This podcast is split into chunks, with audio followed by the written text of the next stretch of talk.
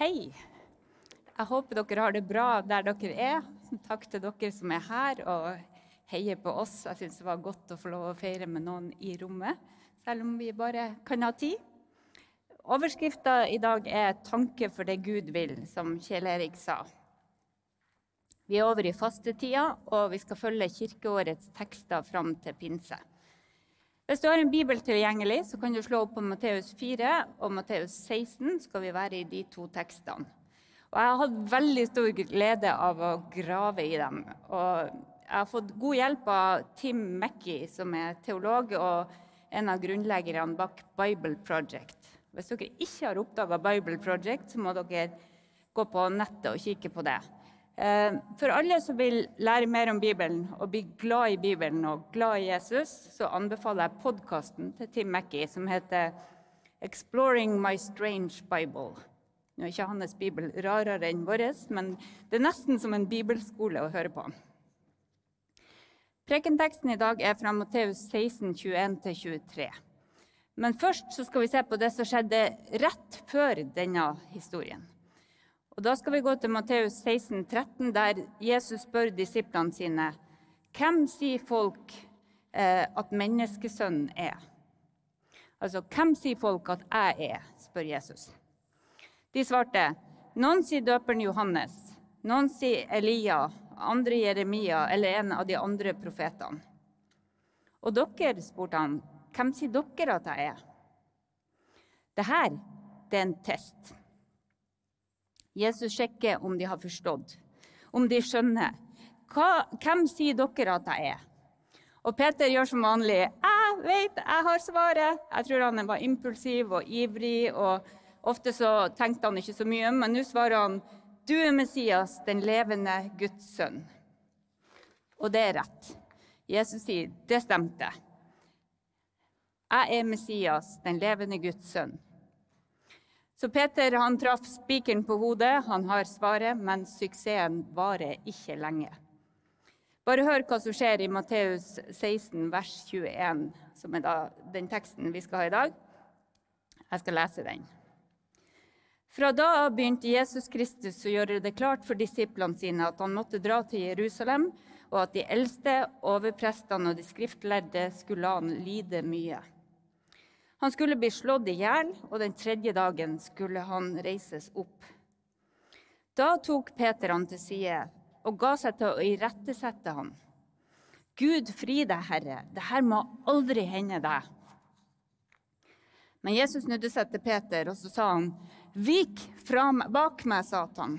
Du vil føre meg til fall.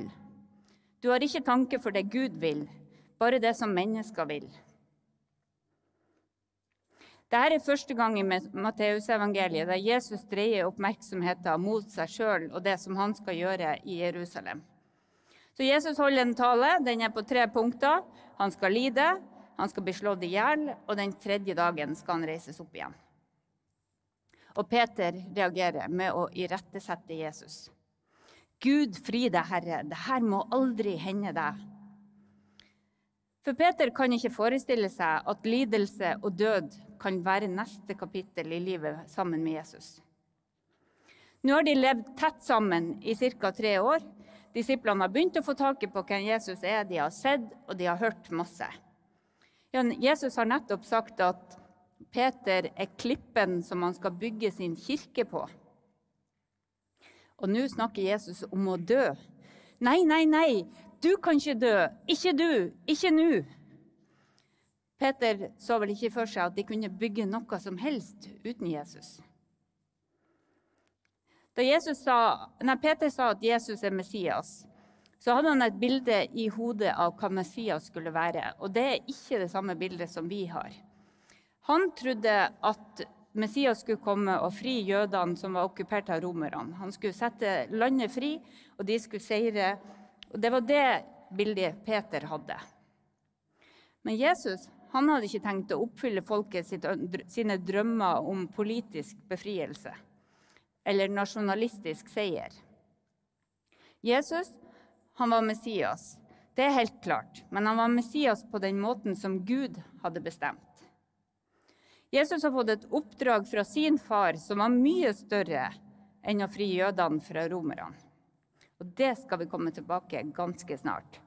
Men først må vi tilbake til teksten.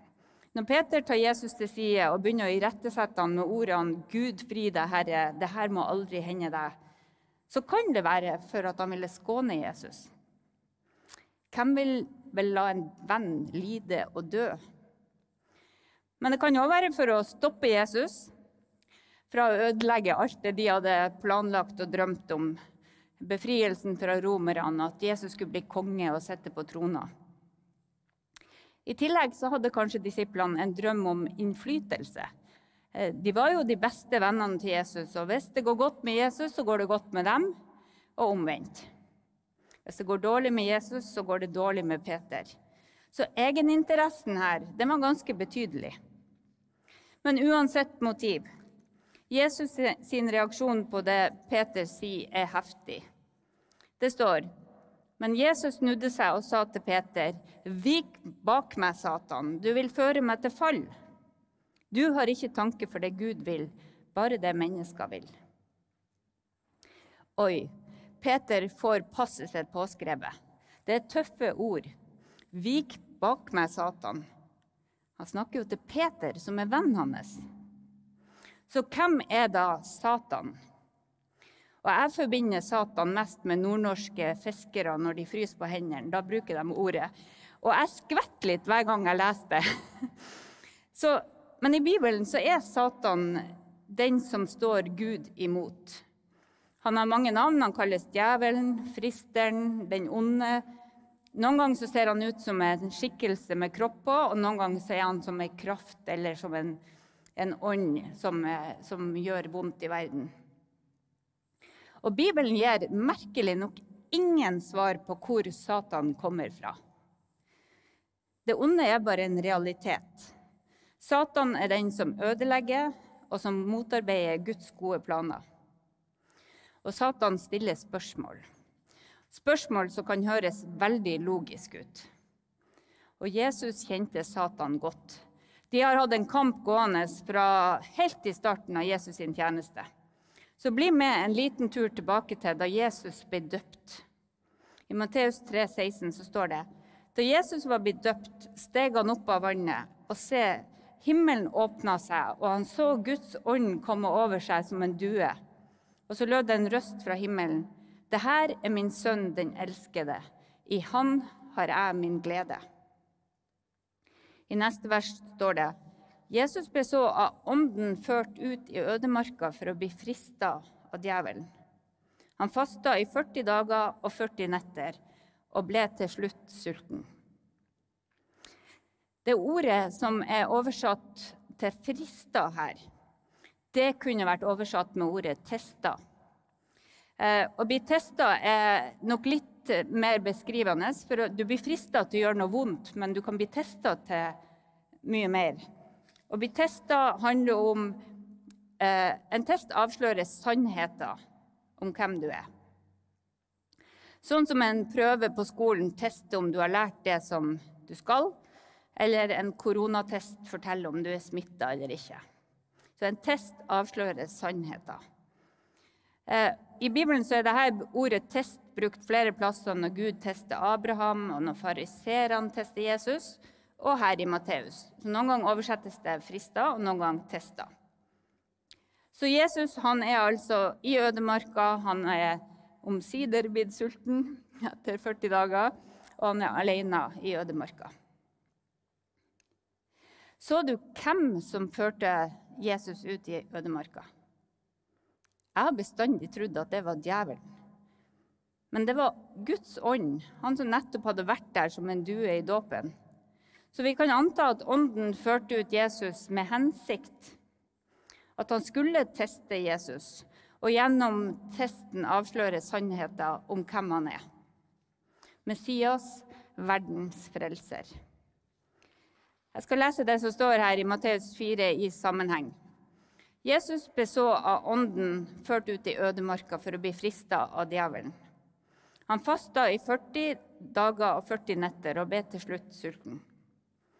Da kom fristeren til han og sa, Er du Guds sønn, så si at de her steinene skal bli til brød. Så Jesus er sliten, sulten, og så stilles testeren et spørsmål om identiteten hans. Er du Guds sønn, så si. Djevelen er lur. Han undergraver tilliten til Gud. Er du Guds sønn? Det er ikke så mye som tyder på det akkurat nå, er det vel, Jesus? Ja, i Nord-Norge ville vi ha sagt han er en snik. Han sår tvil. Og så spør djevelen hvorfor Jesus ikke ordner opp, da. Hvis du er sulten, så kan du lage brød av stein. Hvis du virkelig er Guds sønn, så kan du si at de her steinene skal bli til brød. Hvis du virkelig er Messias, så trenger du ikke leve sånn som det her. Du trenger ikke å være sulten i ødemarka. Hvis Gud virkelig elsker deg, hva gjør du her ute, sulten og alene? Du fortjener bedre. Hører dere reklamestemmen? Fordi du fortjener det. Det er så lett å kjøpe den, og ikke engang Jesus slapp unna den. Så djevelen undergraver tilliten og lojaliteten til Gud. Testen er kan du stole på Gud med livet ditt, uansett omstendigheter. Kan du stole på Gud med livet ditt, uansett omstendigheter? Kan vi det? Det er et spørsmål jeg har strevd mye med i lange perioder av livet mitt.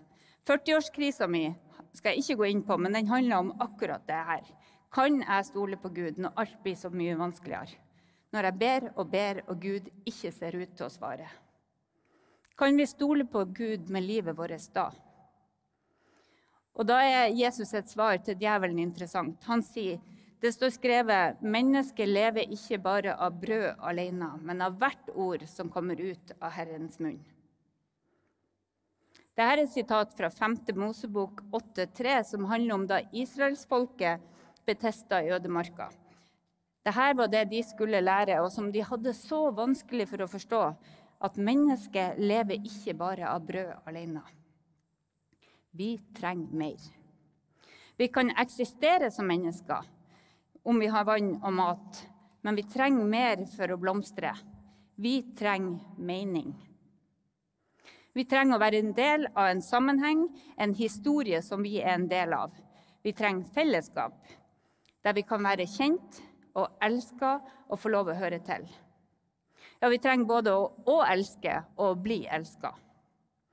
Vi trenger mer enn brød for å blomstre som mennesker. Og når mennesker ikke får det, så visner vi. For å leve fullt ut så trenger vi sannheter om hvem vi er, og hvorfor vi er her. Jeg hadde en samtale for noen dager siden med ei som sliter veldig. Det handler mye om ensomhet og om korona og mange ting. Men spørsmålet hun stilte som var så hjerteskjærende, det var hvorfor lot Gud meg bli født?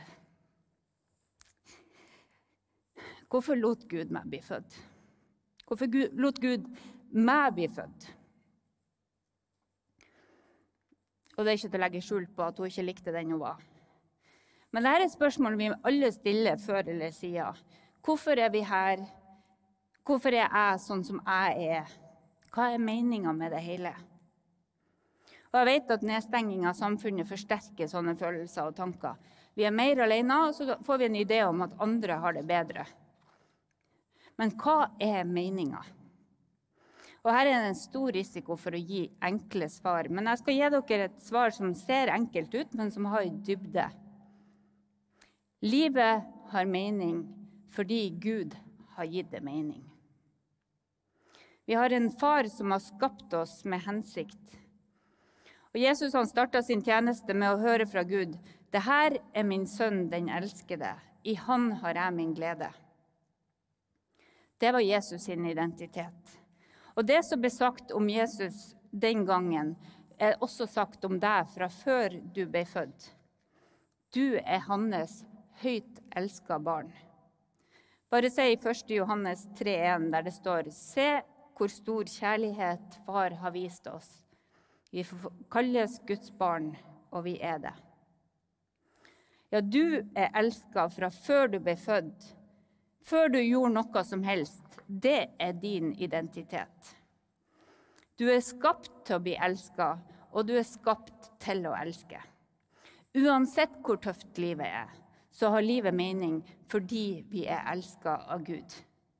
Det er ikke omstendighetene som definerer hvem vi er, og hvem Gud er for oss. Du er elska som Guds barn. Det er det du er. Jeg skal hoppe over test nummer to som Jesus var gjennom, men så skal vi gå til test nummer tre i ødemarka.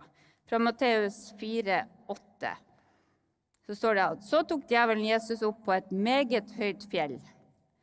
Og det som er interessant, er jo at det fantes jo ingen meget høye fjell i denne ødemarka, så vi tror det her var en sånn syn han fikk. Han viste Jesus alle verdens riker og deres herlighet, og så sier han til Jesus Alt det her skal jeg gi deg dersom du faller ned og tilber meg. Alt det her skal jeg gi deg. Testeren, djevelen, han appellerer til ønsket om makt. Dersom du faller ned og tilber meg, så skal du få alt det her.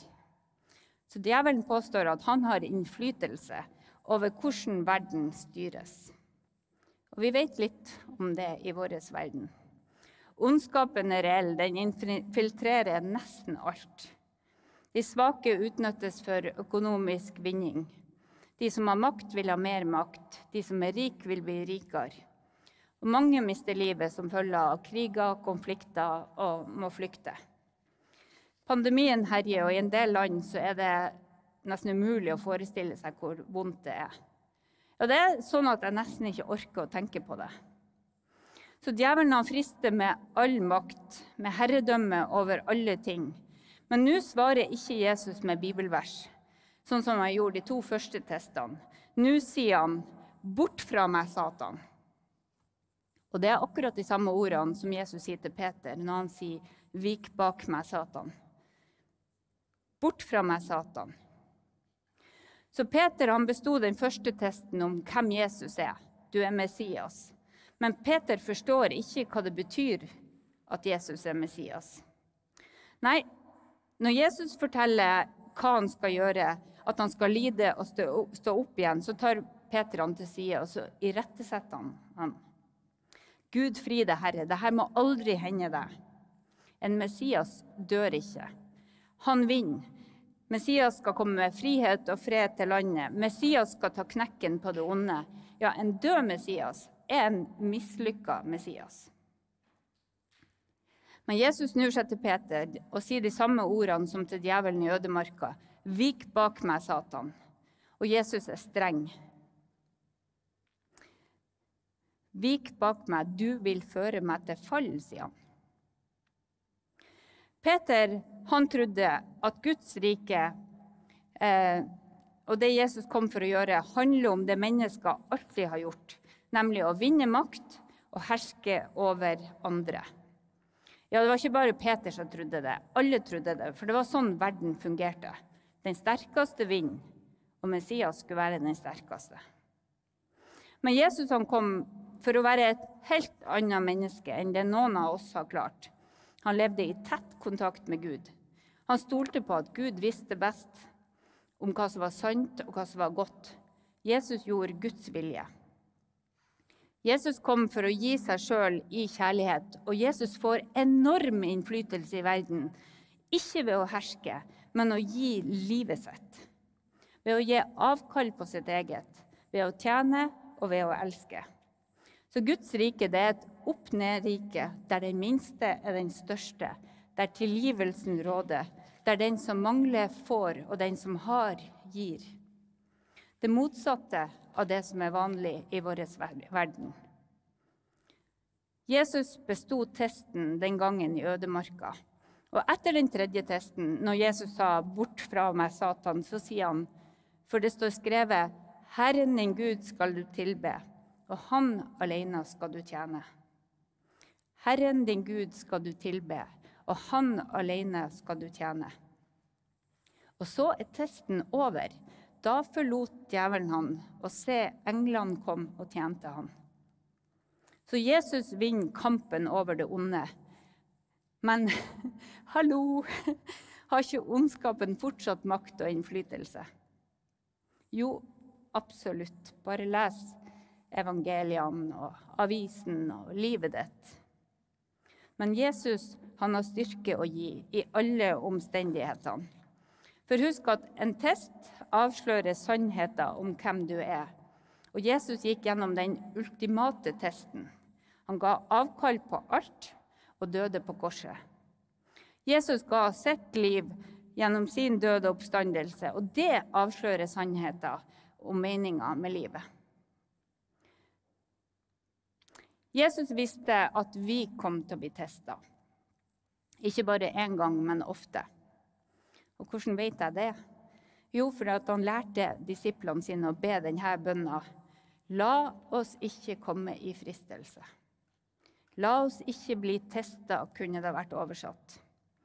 Fri oss fra det onde, for riket er ditt, og makten og æren i all evighet. Dette var ei bønn vi kom til å trenge, og som han oppfordra oss til å be daglig. La oss ikke komme i fristelse, men fri oss fra det onde. Det er ei bønn om styrke til å bestå testen. For de samme kreftene som angrep Jesus, angriper deg og meg. Å være disipler er på mange måter som å gå ut i ødemarka og ikke tro at det er lett. Noe blir antagelig bedre når du følger Jesus, men mye blir vanskeligere. Det er ikke lett å følge Jesus i en verden som ikke gjør det. Relasjoner blir testa, og det er ikke lett å vite hva som er rett og klokt. Vi anklages, og vi utfordres både av folk rundt oss og av stemmene i hodet som stiller spørsmål. Kjenner du igjen stemmene? Hvis du er kristen, hvorfor er livet ditt sånn? Skulle det ikke bli bedre? Du sier at du tror, men se hva du gjorde. Igjen. Kan du virkelig si at Gud elsker deg, og så oppfører du deg sånn? Kan du virkelig si at Gud elsker deg, og så er det sånn? Vet du hvor du skal gå når du hører stemmene? Jeg vet ikke noe bedre enn å gå til Jesus sine ord i Bibelen og bruke ordene fra teksten 'Vik bak meg'. Og så kan vi huske det Jesus sa om seg sjøl, og det han sier om deg og meg. Stemmene i hodet og ord fra andre mennesker definerer ikke hvem du er. Du er Guds sønn, du er Guds datter. Du er datter eller sønn av den høyeste Gud. Det er det du er. Du er så verdifull, ja, så høyt elska, at Jesus var villig til å gå i døden for deg. Vi vet at sånn som vi tenker, det påvirker hvordan vi lever. Det vi tenker, påvirker hvordan vi lever. Så tenk på det Gud sier er sant. Fyll på med Guds tanker, sånn at du gjenkjenner løgnene og fristelsene og testene. Og ikke hør på når skammen snakker. Den kan ødelegge deg hvis du hører og tror på den. Hør på hva Jesus sier i stedet, og husk på det som er sant om deg. Kulturen vi lever i, den forteller oss at det gode livet ikke handler om motgang og smerte. Men likevel er det ingen, så vidt jeg vet, som har klart å unngå det. Uansett hvor flinke de er til å leve, og uansett hvor mye ressurser de har, så går livet gjennom motgang og smerte. Og fastetida minner oss om at veien faktisk går gjennom smerten og gjennom ødemarka, ikke utenom. Og det er ofte der vi oppdager sannheten om hvem Gud er, og sannheten om hvem vi er. Vi testes, og vi formes, og det skjer ikke i ensomhet. Det skjer sammen med Jesus. Han som besto alle tester. Han som ble testa i alt, og som overvant døden og alt det onde. Vi kan komme til Jesus med alt som plager oss, alle tester, alle tanker. Han har vært der sjøl. Og så kan han hjelpe oss til å ta tankene til fange, som det står i Bibelen. Sånn at vi kan holde fast på han og på hans nåde og kjærlighet. Og når vi tenker Guds tanker, da forandrer det må måten vi lever på. Hvis vi, du vet at du har en Gud som elsker deg og har all makt, ja, da kan du stå opp og møte dagen med mot og håp. Og hvis du vet at du blir testa, så kan du forberede deg. Og jeg liker å forberede meg. Ikke undervurder hvor viktig det er å forberede seg. Det kan du gjøre sammen med Jesus i bibel og stillhet og bønn. Kjenn på at du er elska, spesielt når du har det bra. La det bli stort for deg da, sånn at du har det med deg når det blir mørkere. Pugg noen salmer eller lovsanger, sånn at du har noe å ty til når det blir mørkt og tungt. Og søk fellesskap når det er mulig. Jeg tror det er mye viktigere enn vi tror. Fyll på med tanker for hva Gud vil, for ingen andre vet det bedre enn han hva som er godt for deg. Josva 1,9 så står det et fint vers som er verdt å huske. Jeg har jo sagt deg, vær modig og sterk. La deg ikke skremme, og mist ikke motet, for Herren din Gud er med deg overalt hvor du går. Jeg trenger sånne påminnelser. Sånne vers som jeg husker, som kommer til meg. De siste ukene har jeg vært veldig pressa og sliten. Ja, det handler ikke om jobben denne gangen, men det har vært intenst og krevende. Og midt i alt det så har jeg hatt noen sånne glimt av glede som ikke står i forhold til omstendighetene. Og Da jeg kjørte fra jobb her en dag, så plutselig så kom det en sang til meg. og Jeg er ikke den som setter meg og synger i bilen. Jeg trykker på podkast med en gang jeg setter meg i bilen. Men nå kom sangen, en sånn bønnesang som jeg hadde sunget i studentlaget. Og sangen ble ei bønn som satte ord på de, den uroen jeg kjente inni meg. Så hjertets uro fikk stemme, og jeg fikk nye krefter til å stå i det vanskelige sammen med Jesus. Kanskje den sangen vi skal synge nå etter talen, kan bli til hjelp for deg. Men først skal vi be i bønn sammen. Takke deg, kjære Jesus, for at du er stor. Takk for at du elsker oss hver enkelt. Hjelp oss til å få dine tanker i hodet vårt. Og hjelp oss til å ha tillit til deg. Velsign hver enkelt som er midt i en test akkurat nå. Bevar oss fra det onde, for riket er ditt, og makta og æra i evighet. Amen.